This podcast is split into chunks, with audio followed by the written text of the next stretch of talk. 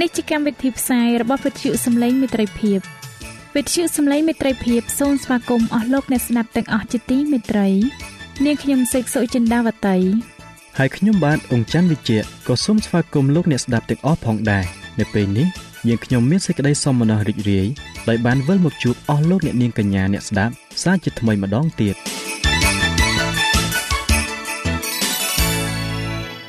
នាងខ្ញុំសេកសុចិន្តាវតី សូមជម្រាបជូនកម្មវិធីផ្សាយដែលមានជាបន្តបន្ទាប់ដូចតទៅនេតិជួបជាមួយព្រះបន្ទូលនេតិសុខភាពចា៎លោកអ្នកស្ដាប់ជាទីមេត្រី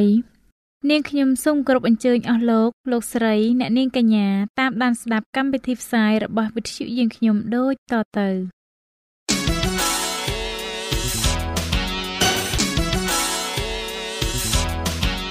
នេតិជួបជាមួយព្រះបន្ទូល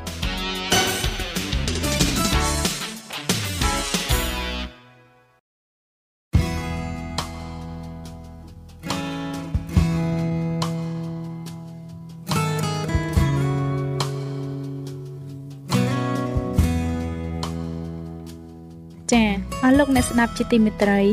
ជាដំបូងនាងខ្ញុំសូមអញ្ជើញលោកអ្នកនាងស្ដាប់នេតិជួបជាមួយព្រះបន្ទូលនេតិនេះនឹងលើកយកព្រះបន្ទូល ពីព្រះគម្ពីររបស់ខ្សត្រទី2ដែលនឹងជម្រាបជូនដល់លោកអង្គច័ន្ទវិជ្ជៈដូចតទៅ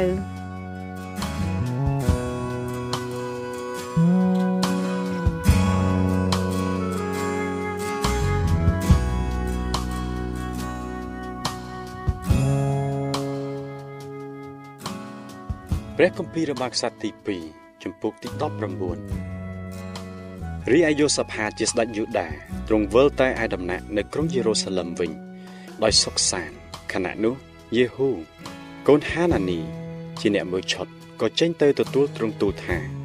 តើគួរក៏បីឲ្យទ្រង់បានទៅជួយមនុស្សអាក្រក់ហើយស្រឡាញ់ដល់ពួកអ្នកដែលស្អប់ព្រះយេហូវ៉ាឬអីដោយព្រោះហេតុនេះបានជាមានសេចក្តីក្រេវក្រោធចេញពីចំពោះព្រះយេហូវ៉ាមកលើទ្រង់ហើយ ប៉ុន្តែឃើញមានសេចក្តីល្អខ្លះនៅក្នុងទ្រង់ដែរដោយទ្រង់បានបំបត្តិរូបព្រះទាំងប៉ុន្មានចេញពីស្រុកទៅហើយបានតាំងព្រះតីស្វែងរកព្រះពិតវិញយូសាផាតទ្រង់គង់នៅក្រុងយេរូសាឡឹមហើយទ្រង់យាងចេញទៅកណ្ដាលអស់ទាំងពួកជនម្ដងទៀតគឺចាប់តាំងពីក្រុងបៀសេបា រហូតដល់ស្រុកភ្នំអេប្រាអែមនាំគេវិលមកឯព្រះយេហូវ៉ាជាព្រះនៃពួកអាយកោគេវិញទ្រង់ក៏តាំងឲ្យមានចៅក្រមនៅក្នុងស្រុកគឺក្នុងគ្រប់ទាំងទីក្រុងមានមន្ទីររបស់ពួកយូដា ទ្រង់មានបន្ទូលទៅចៅក្រមទាំងនោះថាចូលពិចារណាការដែលអ្នករាល់គ្នាធ្វើចោះត្បិតអ្នករាល់គ្នាមិនមែនជំនុំជម្រះឲ្យគប់ចិត្តដល់មនុស្សទេ គឺឲ្យព្រះយេហូវ៉ាបានពេញព្រះハរតីវិញហើយទ្រង់ក៏គង់នៅជាមួយនឹងអ្នករាល់គ្នាក្នុងការជំនុំជម្រះនោះដែរដូច្នេះចូលឲ្យអ្នករាល់គ្នាមានសេចក្តីកោតខ្លាចដល់ព្រះយេហូវ៉ាចោះចូលប្រយ័ត្នហើយសម្រេចការនោះទៅត្បិតគ្មានសេចក្តីទុច្ចរិតណា នៅនឹងព្រះយេហូវ៉ាជាព្រះនៃយើងរាល់គ្នាឡើយក៏គ្មានសេចក្តីលំអៀងទៅ ខាងអ្នកណាឬស៊ីសំណុកផងមួយទៀតយូសាផាតទ្រង់តាំងឲ្យមានពួកលេវីពួកសង្ឃនិងពួកអ្នកដែលជាកំពូលលើវង្សានុវង្សនៃសាសអ៊ីស្រាអែលនៅក្រុងយេរូសាឡឹមសម្រាប់ការវិនិច្ឆ័យនៃព្រះយេហូវ៉ានិងការកាត់រឿងក្តីរួចគេត្រឡប់មកឯនៅក្រុងយេរូសាឡឹមវិញទ្រង់ក៏បង្គាប់គេថា គឺយ៉ាងនោះដែលអ្នករាល់គ្នាត្រូវសម្រេចការងារដោយសេចក្តីកោតខ្លាចដល់ព្រះយេហូវ៉ាយ៉ាងទៀងទាត់ហើយដោយចិត្តស្មោះត្រង់បើកាលណាមានដំណើរក្តីឬមកដល់អ្នករាល់គ្នា អំពីពួកបងប្អូនដែលនៅអស់ទាំងទីក្រុងគេ គឺជារឿងក្តីពីការកាប់សម្លាប់គ្នាឬការរំលងច្បាប់ក្រិតក្រមនឹងបញ្ញត្តិឬសេចក្តីវិនិច្ឆ័យណាមួយនោះត្រូវឲ្យអ្នករាល់គ្នាប្រាំប្រាប់គេដើម្បីកុំឲ្យគេមានទោសនៅចំពោះព្រះយេហូវ៉ាហើយដោយសារទោសនោះ នឹងមានសេចក្តីក្រោធមកលើអ្នករាល់គ្នានិងពួកបងប្អូនផងនោះឡើយចូលសម្រេចការនេះទៅនោះអ្នករាល់គ្នានឹងគ្មានទោសទេ ហើយមើលអាម៉ារីជាសម្ដេចសង្ឃលោកត្រួតលើអ្នករាល់គ្នា ក្នុងអស់ទាំងកិច្ចការខាងឯព្រះយេហូវ៉ាហើយសេបាឌីជាកូនអ៊ីស្ម៉ាអែល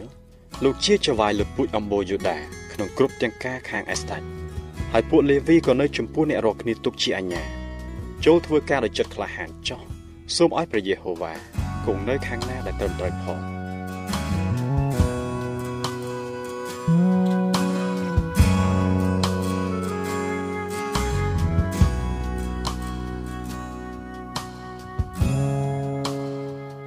ព្រះគម្ពីររបស់ខ្សត្រទី2ចំពុកទី20ក្រោយនោះមកពួកកូនចៅម៉ូអាប់និងពួកកូនចៅអាម៉ូនព្រមទាំងពួកម៉ាអូនខ្លះក៏លើកគ្នាមកច្បាំងនឹងយូសាផាត មានគេមកទូលដល់យូសាផាតថាមានកងទ័ពយ៉ាងសន្ធឹកមកទាស់នឹងទ្រង់គេមកពីស្រុកសេរី ខាងនេះសមុទ្រមើលគេមកដល់ហាសាសូនតាម៉ាហើយនោះគឺជាស្រុកអេនគីឌីយូសាផាតក៏ភ័យខ្លាចហើយតាំងប្រទេសស្វែងរកព្រះយេហូវ៉ាទ្រង់ប្រកាសប្រាប់ឲ្យមានការតមអត់នៅពេញក្នុងស្រុកយូដា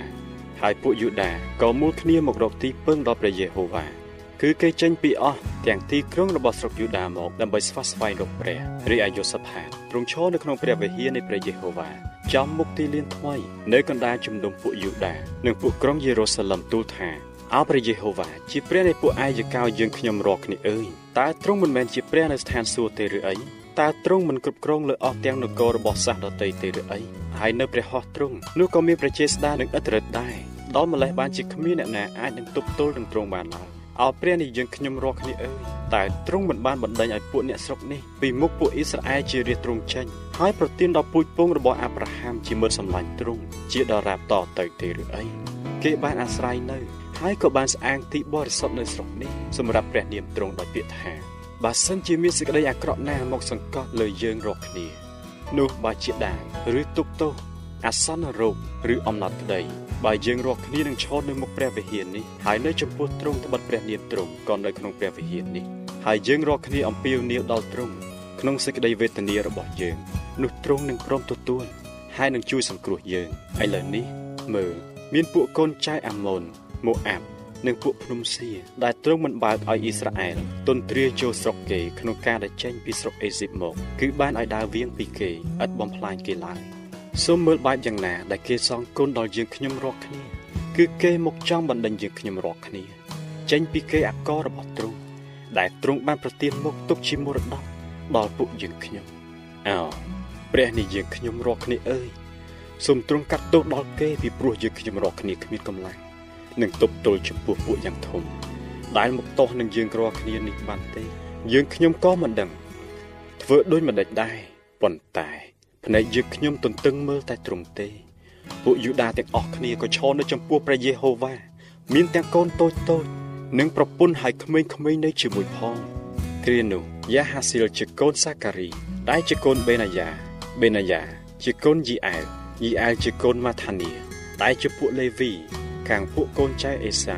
លោកនៅកណ្ដាលពួកជំនុំហើយព្រះវិញ្ញាណនៃព្រះយេហូវ៉ាក៏មកសន្ធិដ្ឋលើលោករួចលោកពោលថាអោពួកយូដាទាំងអស់គ្នា និងពួកអ្នកនៅក្រុងយេរូសាឡឹមព្រមទាំងព្រះករុណាយូសាផាតអើយចូលស្ដាប់ចុះ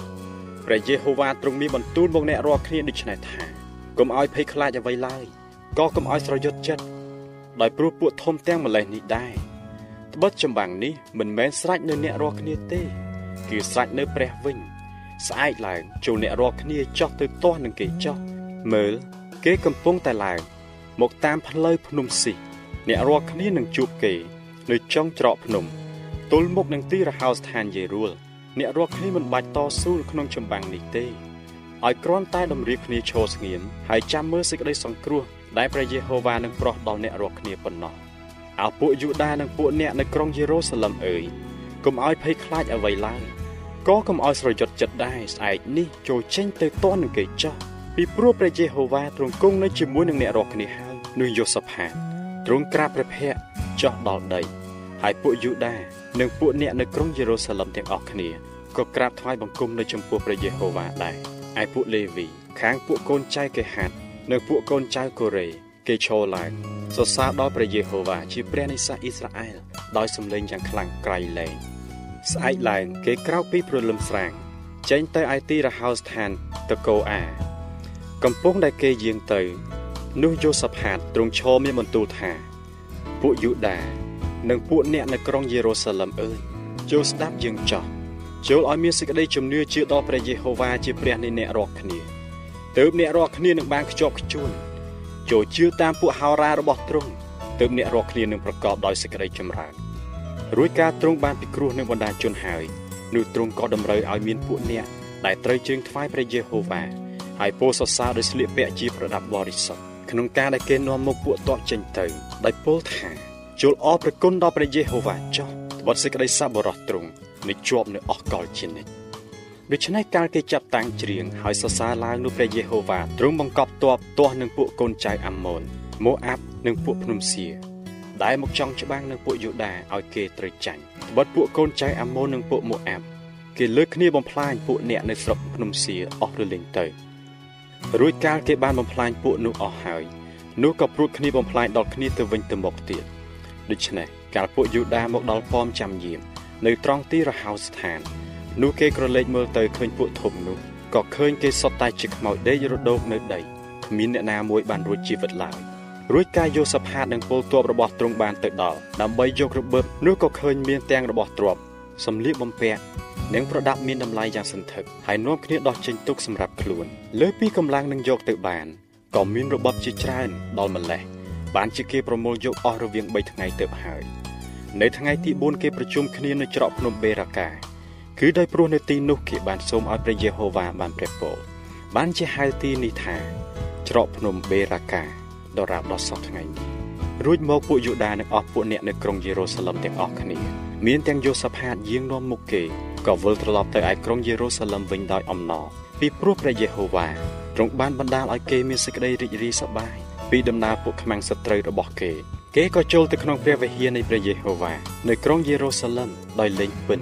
សុំហើយផ្លុំត្រែផងកាលពួកនគរដែលនៅអស់ទាំងស្រុកបានឮថាព្រះយេហូវ៉ាទ្រង់ច្បាំងនឹងពួកខ្មាំងសត្រូវរបស់អ៊ីស្រាអែលដូច្នោះនោះគេក៏កើតមានសេចក្តីស្ញាញ់ខ្លាចដល់ព្រះទាំងអស់គ្នាដូច្នេះនគររបស់យូសាផាតបានសុខសាន្តពីព្រោះព្រះនៃទ្រង់បានប្រោះប្រទានឲ្យទ្រង់មានសេចក្តីស្រាក់ស្រាននៅព័ទ្ធជុំវិញឯយូសាផាតទ្រង់បានសោយរាជនៅស្រុកយូដា កាលទ្រង់ចាប់តាំងសោយរាជនោះមានប្រជជន35ឆ្នាំហើយក៏សោយរាជនៅក្រុងយេរូសាឡឹមបាន25ឆ្នាំព្រះមេដាទ្រង់ព្រះនាមជាអសុបាជាបុត្រីស៊ីលហ៊ីទ្រង់ដើរតាមផ្លូវរបស់អេសាជាព្រះបិតាទ្រង់ឥតងាកបែរចេញឡើយក៏ប្រព្រឹត្តអំពើដែលត្រឹមត្រូវនៅព្រះនេតព្រះយេហូវ៉ាប៉ុន្តែមិនបានបំបាក់អស់ទាំងទីខ្ពស់ចេញឡើយហើយពួកបណ្ដាជនក៏មិនបានទាស់ក៏មិនទាន់បានតាំងចិត្តដល់ព្រះនៃពួកអាយកោគេនៅឡើយដែរ រីឯដំណើរទាំងប៉ុន្មានឯទៀតពីយូសាផាទាំងមុនទាំងក្រោយនោះសុទ្ធតែបានកត់ទុក ក្នុងសេចក្តីបរិយាយដែលយេហូជាកូនហាណានីបានតែងដែលគេបានកត់បញ្ចូលនៅក្នុងពងសាវតានៃពួកស្ដេចអ៊ីស្រាអែលហើយក្រោយនោះមកយូសាផាតជាស្ដេចយូដាទ្រង់ក៏ចូលហ៊ុនជាមួយនឹងអាហ៊ីសាយ៉ាអាហាស៊ីយ៉ាជាស្ដេចអ៊ីស្រាអែលដែលជាអ្នកប្រព្រឹត្តលិមុអាក្រក់ដើម្បីនឹងធ្វើនាវាទៅស្រុកតាស៊ីសគេក៏ធ្វើនាវាទាំងនោះនៅក្រុងនៅត្រង់ក្រុងអេសៀនគេបឺ គ្រានោះអេលីសើជាកូនដូដាវ៉ាអ្នកស្រុកម៉ារីសាលោកទីទាស់នឹងយូសាផាថាដោយព្រោះព្រះករណាបានជលហ៊ុននឹងអាហាស៊ីយ៉ានោះព្រះយេហូវ៉ាទ្រង់បំផ្លាញការដែលព្រះករណាបានធ្វើនេះទាំងអស់ចេញឯនាវានោះក៏ត្រូវបាក់បែកទៅនឹងទៅស្រុកតាស៊ីសមិនបានឡើយ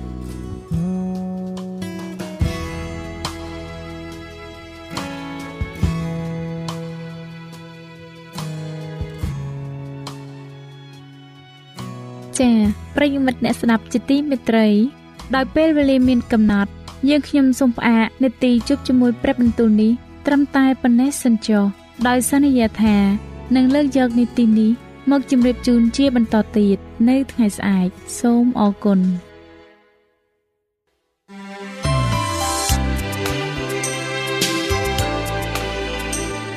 វិទ្យុសំឡេងមេត្រីភាព AWR នាំមកជូនលោកអ្នក នៅសារនៃសេចក្តីស្រឡាញ់ពីព្រះអង្គម្ចាស់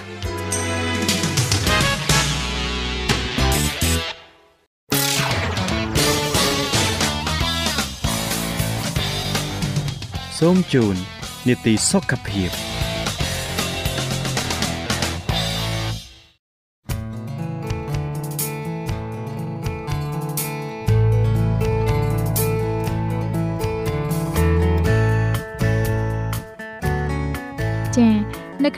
សុខភាពនៅថ្ងៃនេះនាងខ្ញុំសូមគោរពអញ្ជើញអស់លោកអ្នកនាងតាមដានស្ដាប់មេរៀនសុខភាពដែលនឹងជម្រាបជូនដោយកញ្ញាឌីណាដូចតទៅ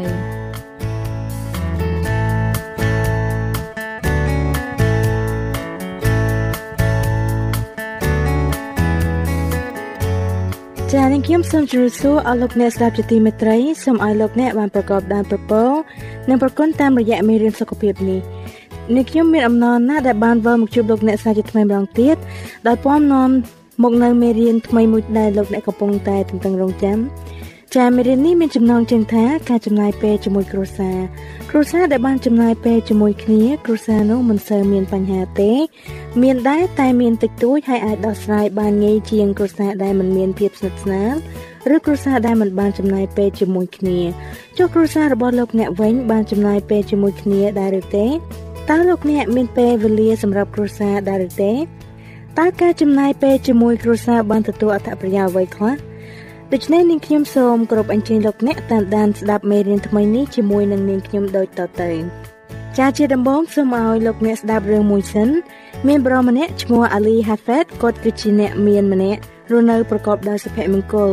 គាត់អាស្រ័យនៅឯចំការធំមួយនៅជិត ជ្រាំងស្ទឹង Indus ក្នុងប្រទេសឥណ្ឌាជាមួយនឹងភរិយាដ៏ស្រស់ស្អាតនិងកូនកូនជាទីស្រឡាញ់របស់គាត់ថ្ងៃមួយមិត្តម្នាក់បានមកលេងផ្ទះអាលីគណៈដែលពួកគេអង្គុយនៅក្បែរឡភ្លើងមិត្តរបស់គាត់ក៏និយាយអំពីត្បូងពេជ្រដោយក្តីរំភើបហើយប្រាប់ថាបើរកបានសំបីតែក្របត្បូងប៉ុនចុងម្រាមដៃក៏អាចទិញចំការប៉ិនរបស់អាលីបានដល់ទៅ12អាណោះបើបានត្បូងពេជ្រមួយកណ្ដាប់ដៃ អាលីអាចទិញដីទាំងអស់នៅជុំវិញចំការគាត់បាន ហើយបើបានកន្លែងជីកត្បូងពេជ្រវិញអាលីអាចទិញនគរជាច្រើនហើយឲ្យកូនរបស់គាត់ឡើងគ្រងរាជលើបល្ល័ង្កម្នាក់មួយម្នាក់មួយយប់នោះអាលីសម្រានមិនលក់សោះបើទោះបីជាគាត់មានទ្រព្យសម្បត្តិស្ដុកស្ដំហើយក៏ដោយក្តីគាត់ចាប់ផ្ដើមគិតថាគាត់ជាអ្នកក្រនៅឡើយគាត់ចង់បានច្រើនទៀតគាត់ចង់បានកន្លែងជីកត្បូងពេជ្រមួយដោយខ្លួនឯង ព្រលឹមមិនទាន់ផងអាលីក៏ទៅផ្ទះរបស់មិត្តគាត់ហើយដាស់សួរថាហេទៅរកត្បូងពេជ្រនៅឯណាបានវៃគ្នាត្រូវការទ្រព្យសម្បត្តិស្ដុកស្ដំជាងនេះដើម្បីសង់រាជវាំងនិងបល្ល័ង្កឲ្យកូនកូនរបស់ខ្ញុំតើខ្ញុំទៅរកត្បូងពេជ្រឯណាបានមិត្តក៏តបមកវិញថាតើតើឯងរកកន្លែងណា ដែលទឹកស្ទឹងហូរលើដីខ្សាច់ពណ៌សនៅចន្លងភ្នំខ្ពស់ខ្ពស់ពេជ្រវានៅក្នុងដីខ្សាច់សនឹងឯង ពីរបីថ្ងៃក្រោយមកអាលីក៏លក់ចំការរបស់គាត់ផ្ញើប្រពន្ធនិងកូនកូនឲ្យនៅនឹងអ្នកជិតខាងហើយយកប្រាក់ស្ទើរតែទាំងអស់ចេញដំណើរទៅស្វែងរកត្បូងពេជ្រអាលីបានធ្វើដំណើររករកត្បូងពេជ្រកាត់ទ្វីបអាស៊ីនិងមជ្ឈិមបូព៌ាហើយ ទៅដល់អឺរ៉ុបទៀតកន្លែងខ្លះគាត់ប្រទះឃើញស្ទឹងដែលហូរនៅចន្លោះភ្នំខ្ពស់ខ្ពស់ហើយកន្លែងខ្លះទៀតក៏ឃើញសតែខ្សាច់ពោសតែដើម្បីរកឲ្យឃើញទាំងពីរដោយដែលមិត្តរបស់គាត់ប្រាប់មកពិតជាលំបាកណាស់លុយកាក់ក៏អស់ខោអាវក៏រហែកហើយគាត់ធ្វើដំណើរទៅប្រទេសអេស្ប៉ាញស្របពេលដែលរលកបោកបក់នៅតំបន់ឆ្នេរនៃប្រទេសនេះ អស់សង្ឃឹមរលីងពីខ្លួនអាលីក៏ទម្លាក់ខ្លួនទៅក្នុងទឹករលកហើយលងទឹកស្លាប់ទៅដោយមិនបានរកឃើញដុំពេជ្រសំបីមួយគ្រាប់ឡើយនិយាយពីនៅឥណ្ឌាឯណោះវិញម្ចាស់ចំការថ្មីរបស់អាលីកំពុងតែឲ្យសត្វអូតផឹកទឹកនៅក្នុងស្ទឹងនៅពេលដែលអូតដាក់ច្រមុះចោលទៅក្នុងទឹកស្រាប់តែម្ចាស់ថ្មីនោះឯងឃើញរស្មីចាំងផ្លេកផ្លេកពីក្នុងដីខ្សាច់ពណ៌សក្នុងស្ទឹងនៅចន្លោះភ្នំខ្ពស់នោះគាត់ក៏រើសយកដុំថ្ម ខ្មៅភ្លឺរលោងដល់ចម្លែកមួយពេលត្រូវនឹងពន្លឺថ្ងៃឬគាត់ក៏យកវាមកក្នុងផ្ទះហើយដាក់វាចោលលើក្រណាត់មួយនៅលើឡកម្ដៅថ្ងៃមួយមិត្តចាស់របស់អាលីបានមកលេងផ្ទះអ្នកដែលបានទិញដីចំការរបស់អាលីនោះគ្រាន់តែឈានជើងចូលក្នុងផ្ទះភ្លាមគាត់សម្គាល់ឃើញពន្លឺចាំងភ្លេចភ្លេចពីដុំពេជ្រនោះភ្លាមគាត់ក៏ស្ទុះទៅឯឡកម្ដៅហើយស្រដីឡើងភ្លាមថាអញបានពេជ្រហើយតើអាលីមកវិញហើយមែនទេ ប្រុសនោះក៏តបវិញថាខ្ញុំមិនដែលលើដំណឹងអំពីអាលីយូរឆ្នាំមកហើយហើយរបស់នេះវាគ្រាន់តែជាដុំថ្មចំណាស់មួយដែលខ្ញុំរកឃើញនៅក្នុងស្ទឹងក្បែរចំការប៉ុណ្ណោះឯងមិនមែនជាត្បូងពេជ្រស្អីទេ បរិជិតញៀននោះក៏តបវិញទៀតថាទេនឹងហើយជាពេជ្រខ្ញុំស្គាល់វាច្បាស់ណាស់រួចបរិទាំងពីរក៏ស្ទុះទៅឯមាត់ស្ទឹងក្បែរចំការម្រាមដៃរបស់គេទាំងពីរលូករាវសពក្នុងខ្សាច់ពសពួកគេរាវបានត្បូងពេជ្រមានតម្លៃជាច្រើនរាប់មិនអស់ពួកគេរកឃើញវាលត្បូងពេជ្រយ៉ាងច្រើនសន្ធឹកសន្ធាប់ក្រោយមកកណែត្បូង Gold Conda ត្រូវបានគេរកឃើញហើយក្លាយទៅជារ៉ែត្បូងពេជ្រដ៏សម្បូរបែបដែលល្បីល្បាញក្នុងពិភពលោកនាសម័យកាលនោះ ពីទីនេះឯងដែលគេរកបានរ៉ែត្បូងពេជ្រកូអ៊ីណូនិងអូឡេវដែលគេយកទៅបំពាក់លើមកុដនៃស្ដេចប្រទេសអង់គ្លេសនិងរុស្ស៊ីចាចំណុចទី1លោកអ្នកជាអ្នកមាន តែមិនដឹងថាខ្លួនជាអ្នកមានទេលោកអ្នកមានគ្រឿងអលង្ការដ៏មានតម្លៃជាច្រើននៅក្នុងផ្ទះរបស់លោកអ្នកនៅក្នុងគ្រួសាររបស់លោកអ្នកផ្ទាល់សុភមង្គលមិនមែនជាក្រឡមាសនៅចុងឥន្ទនូដែលត្រូវតាមរកដោយឥតប្រយោជន៍នោះទេ សុភមង្គលនៅចិត្តអ្នកបង្កើតបើសិនជាអ្នកមានកូនចៅលោកអ្នកត្រូវតែឲ្យតម្លៃពួកគេឲ្យបានច្រើនស្រឡាញ់ថែរក្សាពួកគេឲ្យបានល្អជាទីបំផុតហើយត្រូវធ្វើឲ្យពួកគេទទួលបានអារម្មណ៍ថាពួកគេមានអ្នកអោបក្រសោបនិងចិត្តស្និទ្ធជាមួយនឹងគ្រួសារមួយយ៉ាងរឹងមាំខណៈដែលលោកអ្នកចំណាយពេលវេលានិងកម្លាំងចំពោះពួកគេគឺមានឈ្មោះថាលោកអ្នកកំពុងតែបង្កើនទ្រព្យសម្បត្តិហើយ មានប្រាក់កៅកងកំពុងត្រូវបានដកខាត់សម្រាប់អាណាចក្ររបស់ព្រះនៅក្នុងផ្ទះរបស់លោកអ្នកតែម្ដងគួរចំណាយពេលវេលាដកខាត់ពួកគេដោយសុភាពព្រះគម្ពីរបានបង្ហាញថាការដើមឡើយព្រះបានបង្កើតអ្វីៗទាំងអស់ដែលមានសារៈសំខាន់សម្រាប់សុភមង្គលដល់ពិភពលោកថ្មីយ៉ាងនេះនៅថ្ងៃទី6ទ្រង់បានបង្កើតសត្វនិងមនុស្សលោករួចទ្រង់បង្គាប់ឲ្យអាដាមដាក់ឈ្មោះដល់សត្វទាំងអស់ ពេលអាដាមកំពុងតែដាក់ឈ្មោះឲ្យសត្វខ្លាឃ្មុំបាក់សាបាក់សីនិងសត្វល្អិតស្រាប់តែគាត់កត់សម្គាល់ថាពួកវានីមួយៗសុទ្ធតែមានគូដោយឡែកតែគាត់នៅតែម្នាក់ឯងនៅតែឯងដូច្នេះគាត់ក៏មានអារម្មណ៍ថាឯកោព្រះទ្រង់បំពេញតម្រូវការរបស់អាដាមដោយផ្ដល់អ្នកជំនួយ និងជាដៃគូរបស់គាត់គឺជាភរិយាជាទីស្រឡាញ់ដែលមានឈ្មោះថាអេវ៉ាលោកអាដាមនិងនាងអេវ៉ាបានបំពេញតាមការបង្គាប់របស់ព្រះដោយបានបង្កើតជាកូន ពូនជាចៅយ៉ាងច្រើនសន្ធឹកសន្ធាប់ហើយកូនកូនខ្លាយទៅជាមរតកមកពីព្រះចាប់ពីពេលនោះមកមនុស្សទាំងប្រុសទាំងស្រីនិងកូនកូនដែលពេញវ័យមានចំណងចង់មានដៃគូរស់រានជាមួយគ្នាដើម្បីបង្កើតឲ្យមានសពនភាពជាដៃគូតោងឲ្យអតិភិបទៅលើពេលវេលា ចំណុចពិសេសនៃមរតកទាំងនោះគឺជាការចំណាយពេលវេលានៅជាមួយក្រុមគ្រួសារបង្ហាត់បង្រៀននិងជួយគ្នាទៅវិញទៅមកឲ្យប្រកបដោយគតិបណ្ឌិតនិងប្រគុណព្រះបានប្រទានអំណោយទានជាពេលវេលាឲ្យយើងប្រើប្រាស់ឲ្យបានល្អត្រឹមត្រូវបំពេញរាល់កិច្ចការដែលត្រូវបំពេញថ្មីត្រង់ដើម្បីខ្លួនយើងនិងដើម្បីអ្នកដទៃដោយការប្រើប្រាស់ពេលវេលាបានល្អត្រឹមត្រូវព្រះផ្ដល់ជាមធ្យោបាយឲ្យលោកអ្នកសម្រេចនៅរាល់សេចក្តីប៉ងប្រាថ្នារបស់លោកអ្នក ចាអស់លោកអ្នកជាទីមេត្រីពេលវេលាជាទ្រព្យដ៏ពិសេសវិសាល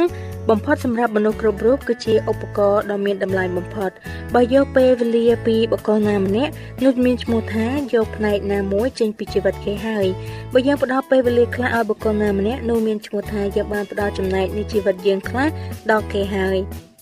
លោកអ្នកមិនអាចរស់នៅមួយវិនាទីទៀតបានទេបើគ្មានពេលវេលាលោកអ្នកមិនអាចបាត់បង់ពេលវេលាខ្ជិះខ្ជាយពេលវេលាឬប្រើពេលវេលាឲ្យអស់បានឡើយពេលវេលាមានតម្លៃខ្លាំងណាស់វាគឺជាអំណោយមួយដែលយើងប្រើប្រាស់ដោយអំណរនិងចែករំលែកជាមួយអ្នកដទៃជារៀងរាល់ថ្ងៃ ចាមេរៀនដែលលោកអ្នកកំពុងតែស្ដាប់នាពេលនេះនឹងនិយាយអំពីការប្រើប្រាស់ពេលវេលាក្នុងដំណាក់កាលលូតលាស់នៃក្រុមគ្រួសារគោលដៅគឺចង់បណ្ដុះគំនិតឲ្យគិតអំពីរបៀបនៃការប្រើប្រាស់ពេលវេលាដែលជាអំណោយដ៏ពិសេសពីព្រះនេះឲ្យបានផលចំណេញខ្ពស់ចាចំណុចទី2និយាយពីជីវិតឬការរស់នៅបណ្ដោះអាសន្នរបស់យើងនាពេលបច្ចុប្បន្ននេះលោក Dolores Cran បានផ្ដល់របាយការណ៍មួយ បន្ទាប់ពីការស្ទង់មតិអ្នកជំនាញខាងគ្រួសារចំនួន551ថា គ្រួសារដែលមានទំនាក់ទំនងល្អចំណាយពេលវេលាច្រើនជាមួយគ្នាហើយមិនចូលរួមសកម្មភាពណាដែលកាត់បន្ថយពេលវេលាសម្រាប់រង្វង់ក្រុមគ្រួសារឡើយពួកគេផ្ដល់អត្ថប្រយោជន៍ទៅលើការលេងសើចនិងទំនាក់ទំនងក្នុងក្រុមគ្រួសារបើតាមការស្ទង់មតិក្នុងសហគមន៍មួយបានបង្ហាញឲ្យដឹងថាសេចក្តីត្រូវការរបស់ក្រុមគ្រួសារជាចម្បងនោះគឺចង់ឲ្យមានពេលវេលាជាមួយគ្នាឲ្យបានច្រើននៅក្នុងសង្គមដ៏មមាញឹករបស់យើងសប្តាហ៍ថ្ងៃនេះ ឪពុកម្ដាយទៅណេះកូនទៅណោះយើងគ្មានពេលនឹងបរិភោគអាហារជាមួយគ្នាដូច្នេះយើងបរិភោគដោយឡែកពីគ្នានៅតាមហាងឬអាហារដ្ឋានទៅវិញយើងគ្មានពេលលេងជាមួយគ្នានៅផ្ទះដូច្នេះយើងពឹងផ្អែកទៅលើតួសម្ដែងនៅតាមកញ្ចក់ទូរទស្សន៍ទៅវិញ ដោយសារតែភាពមមាញឹកពេកនឹងហើយទើបបណ្ដាឲ្យខ្លះនិយាយបែបកំ pl ែងលេងថាយើងមិនត្រូវការបន្ទប់ទទួលភ្ញៀវឬបន្ទប់ញ៉ាំបាយទេព្រោះយើងមិនដែលបានប្រើវាផង យើងត្រូវការតែកន្លែងមួយដែលមានក្រេដេកទូដាក់ខោអាវពី3កំភ្លេនិងធ្លាចតឡានមួយដែលអាចផ្ទុកបានឡាន3គ្រឿងហើយយើងអាចធ្វើអ្វីៗផ្សេងផ្សេងពីគ្នាទៅបានហើយ តើយើងនឹងចំណាយពេលវេលានៅឯណាដើម្បីទទួលបាននូវទ្រព្យសម្បត្តិដ៏ស្តុកស្តម្ភជាពេជ្រដល់ក្រុមគ្រួសាររបស់យើងរឿងនេះនឹងខុសគ្នាអាស្រ័យលើដំណាក់កាលនៃជីវិតរបស់យើងនិងអាស្រ័យទៅលើទម្រង់គ្រួសារផងដែរឥឡូវសូមចាប់ផ្ដើមដោយការមានពេលវេលាសម្រាប់ថែរក្សាខ្លួនឯងជាមុនសិនចាចំណុចទី3និយាយពីការថែទាំខ្លួនឯង លោកអ្នកគឺជាមនុស្សដ៏មានសារៈសំខាន់ម្នាក់ដោយមានខ្លួនមួយនិងជីវិតមួយដូចនេះចូលចំណាយពេលវេលាខ្លួនឯងនិងរៀនសូត្រផងសូមកុំមានអារម្មណ៍ទៅទាល់ក្នុងការចំណាយពេលហាត់ប្រាណចម្អិនអាហារដែលមានសុខភាពយកចិត្តទុកដាក់ពិនិត្យសុខភាពអានសិភៅឬការតុបតែងខ្លួនឲ្យបានស្អាតបាតសមរម្យនោះឡើយសំបីតែសត្វបក្សាបក្សីក៏ចំណាយពេលសម្រាប់សសិទ្ធស្លាប់ងូតទឹកនិងសម្ដិលថ្ងៃដែរ នៅពេលដែលពួកវាមានសុខភាពល្អពួកវាដូចជាស្រែកច្រៀងដោយក្តីអំណរអរសប្បាយច្រើនចាចំណែកឯរឿងរបស់អ្នកគ្រូម្នាក់ឈ្មោះថា Matty Annie វិញគាត់ជាអ្នកពូកែខាងធ្វើដំណើរម្នាក់មិនបានចំណាយពេលថែរក្សាថ្មីរបស់នាងទេ ទីបញ្ចប់នៅពេលដែលនាងទៅជួបទនពេទ្យទើបនាងដឹងថានាងមានបញ្ហាធំទនពេទ្យផ្ដល់អាវ៉ាតដល់នាងថាអ្នកគ្រូត្រូវតែធ្វើការសម្រេចចិត្តជ្រើសរើសយកអត្ថភាពមួយគឺអ្នកគ្រូអាចបន្តធ្វើដំណើរបង្រៀនហើយបដូរពីកន្លែងមួយទៅកន្លែងមួយទៀតយ៉ាងប្រញាប់ប្រញាល់ឬអ្នកគ្រូអាចចាប់ផ្ដើមធ្វើរឿងមួយដែលត្រូវចំណាយពេលច្រើនដើម្បីថែរក្សាថ្មិញរបស់អ្នកគ្រូក៏បាន ក្នុងពេលនេះអ្នកគ្រូមិនអាចធ្វើរឿងទាំងពីរព្រមគ្នាបានទេដូច្នេះអ្នកគ្រូត្រូវតែជ្រើសរើសយកមួយជំរឿរបស់នាងគឺយកការថែរក្សាថ្មិញជាមុនតាមការពិតការរៀបចំខ្លួនឯងឲ្យបានល្អគឺជាកត្តាចាំបាច់ខ្លាំងណាស់សម្រាប់អ្នកដទៃនិងខ្លួនយើងផ្ទាល់ចាចំណុចទី4និយាយពីពេលវេលាសម្រាប់អ្នកដែលនៅលាវពេលនៅលាវជាវេលាដ៏ប្រពៃក្នុងជីវិតមនុស្សគ្រប់រូប គឺជាពេលសម្រាប់ផ្ដល់ឲ្យនិងទទួលយកទំនាក់ទំនងស្អិតរមួតជាមួយនឹងក្រុមគ្រួសារមិត្តរួមជំនឿនិងអ្នករាប់អានថ្មីគឺជាពេលបង្កើតមិត្តភាពមួយជីវិតសាងអនុស្សាវរីយ៍និងធ្វើល្អដល់អ្នកដទៃគឺជាពេលសម្រាប់អ្នកនៅលាវក្មេងៗស្វែងរកអាជីពឬការអប់រំដើម្បីរៀនសូត្រនិងអភិវឌ្ឍជីវិតគឺជាពេលសម្រាប់អ្នកនៅលើគ្រប់វ័យទាំងឡាយពង្រីកចំណេះដឹងក្នុងវិស័យអប់រំ និងការរៀនរស់នៅប្រកបដោយភាពជោគជ័យនិងចម្រើនត្រឹមត្រូវជំនាញនិងទម្លាប់ដែលទទួលបានពីពេលណាមួយនៃជីវិតនឹងជួយត្រៀមបុគ្គលនោះសម្រាប់ថ្ងៃអនាគតគឺជាពេលវេលាដើម្បីរៀបចំខ្លួនឲ្យក្លាយទៅជាប្តីល្អឬប្រពន្ធល្អឬត្រឹមជាមិត្តល្អជាដើម នៅប្រទេសលោកខាងលិចវិញអ្នកនៅលើបានកើនឡើងច្រើនលើសគេកត្តាដែលនាំឲ្យមានអ្នកនៅលើច្រើនបែបនេះបណ្ដាលមកពីការពន្យាពេលរៀបការរហូតដល់អាយុច្រើនអ្នកខ្លះយកចម្រើសឬកលៈទេសៈមកធ្វើជាលេសមិនព្រមរៀបការមនុស្សចាស់នៅរស់យូរបន្ទាប់ពីប្តីឬប្រពន្ធស្លាប់ទៅមុននឹងក្លាយមកជាអ្នកនៅលីវជាថ្មីបន្ទាប់ពីលែងលះ បើសិនជាអ្នកនៅលាវមិនថាលោកអ្នករស់នៅទីណានោះទេសូមចំណាយពេលរស់នៅឲ្យបានល្អមិនថាលោកអ្នកចាស់ឬក្មេងមិនធ្លាប់រៀបការលេងលះគ្នាមេម៉ាយឬពោះម៉ាយក្តីព្រះមានគម្រោងសម្រាប់ជីវិតរបស់លោកអ្នកនិងក្តីស្រមៃសម្រាប់លោកអ្នកចំណាយពេលស្វែងរកផែនការរបស់ព្រះហើយធ្វើតាមផែនការរបស់ទ្រង់ចុះ នារីនៅលើម្នាក់និយាយថានាងអាចធ្វើដំណើរទៅប្រទេសជាច្រើនក្នុងពិភពលោកធ្វើឲ្យជីវិតរបស់នាងកាន់តែមានន័យនិងយល់ដឹងកាន់តែច្រើន តែបើរៀបការរួចអាចនឹងគ្មានលទ្ធផលធ្វើដូច្នេះបានដូច្នេះអ្នកដែលគ្មានលទ្ធភាពធ្វើដំណើរច្រើនបានក៏អាចធ្វើឲ្យជីវិតកាន់តែមានន័យបានដូចគ្នាមិនថាគេរស់នៅទីណានោះទេចាលោកអ្នកស្ដាប់ជាទីមេត្រីពេលវេលានៃនាទីសុខភាពរបស់យើងបានមកដល់ទីបញ្ចប់ហើយ នេះខ្ញុំនឹងវិលមកជួបលោកអ្នកវិញម្ដងទៀតតាមពេលវេលានឹងម៉ោងដដែលដោយបានពំនៅនៅភាគទី2នៃមេរៀនដដែលនេះមកជូនដល់លោកអ្នកនៅសប្ដាហ៍ក្រោយទៀតចាដូច្នេះសូមឲ្យព្រះជាម្ចាស់ប្រទានពរដល់អស់លោកអ្នកបងប្អូនទាំងអស់គ្នាសម្រាប់ពេលនេះនាងខ្ញុំឌីណាសូមអរគុណសូមជម្រាបលា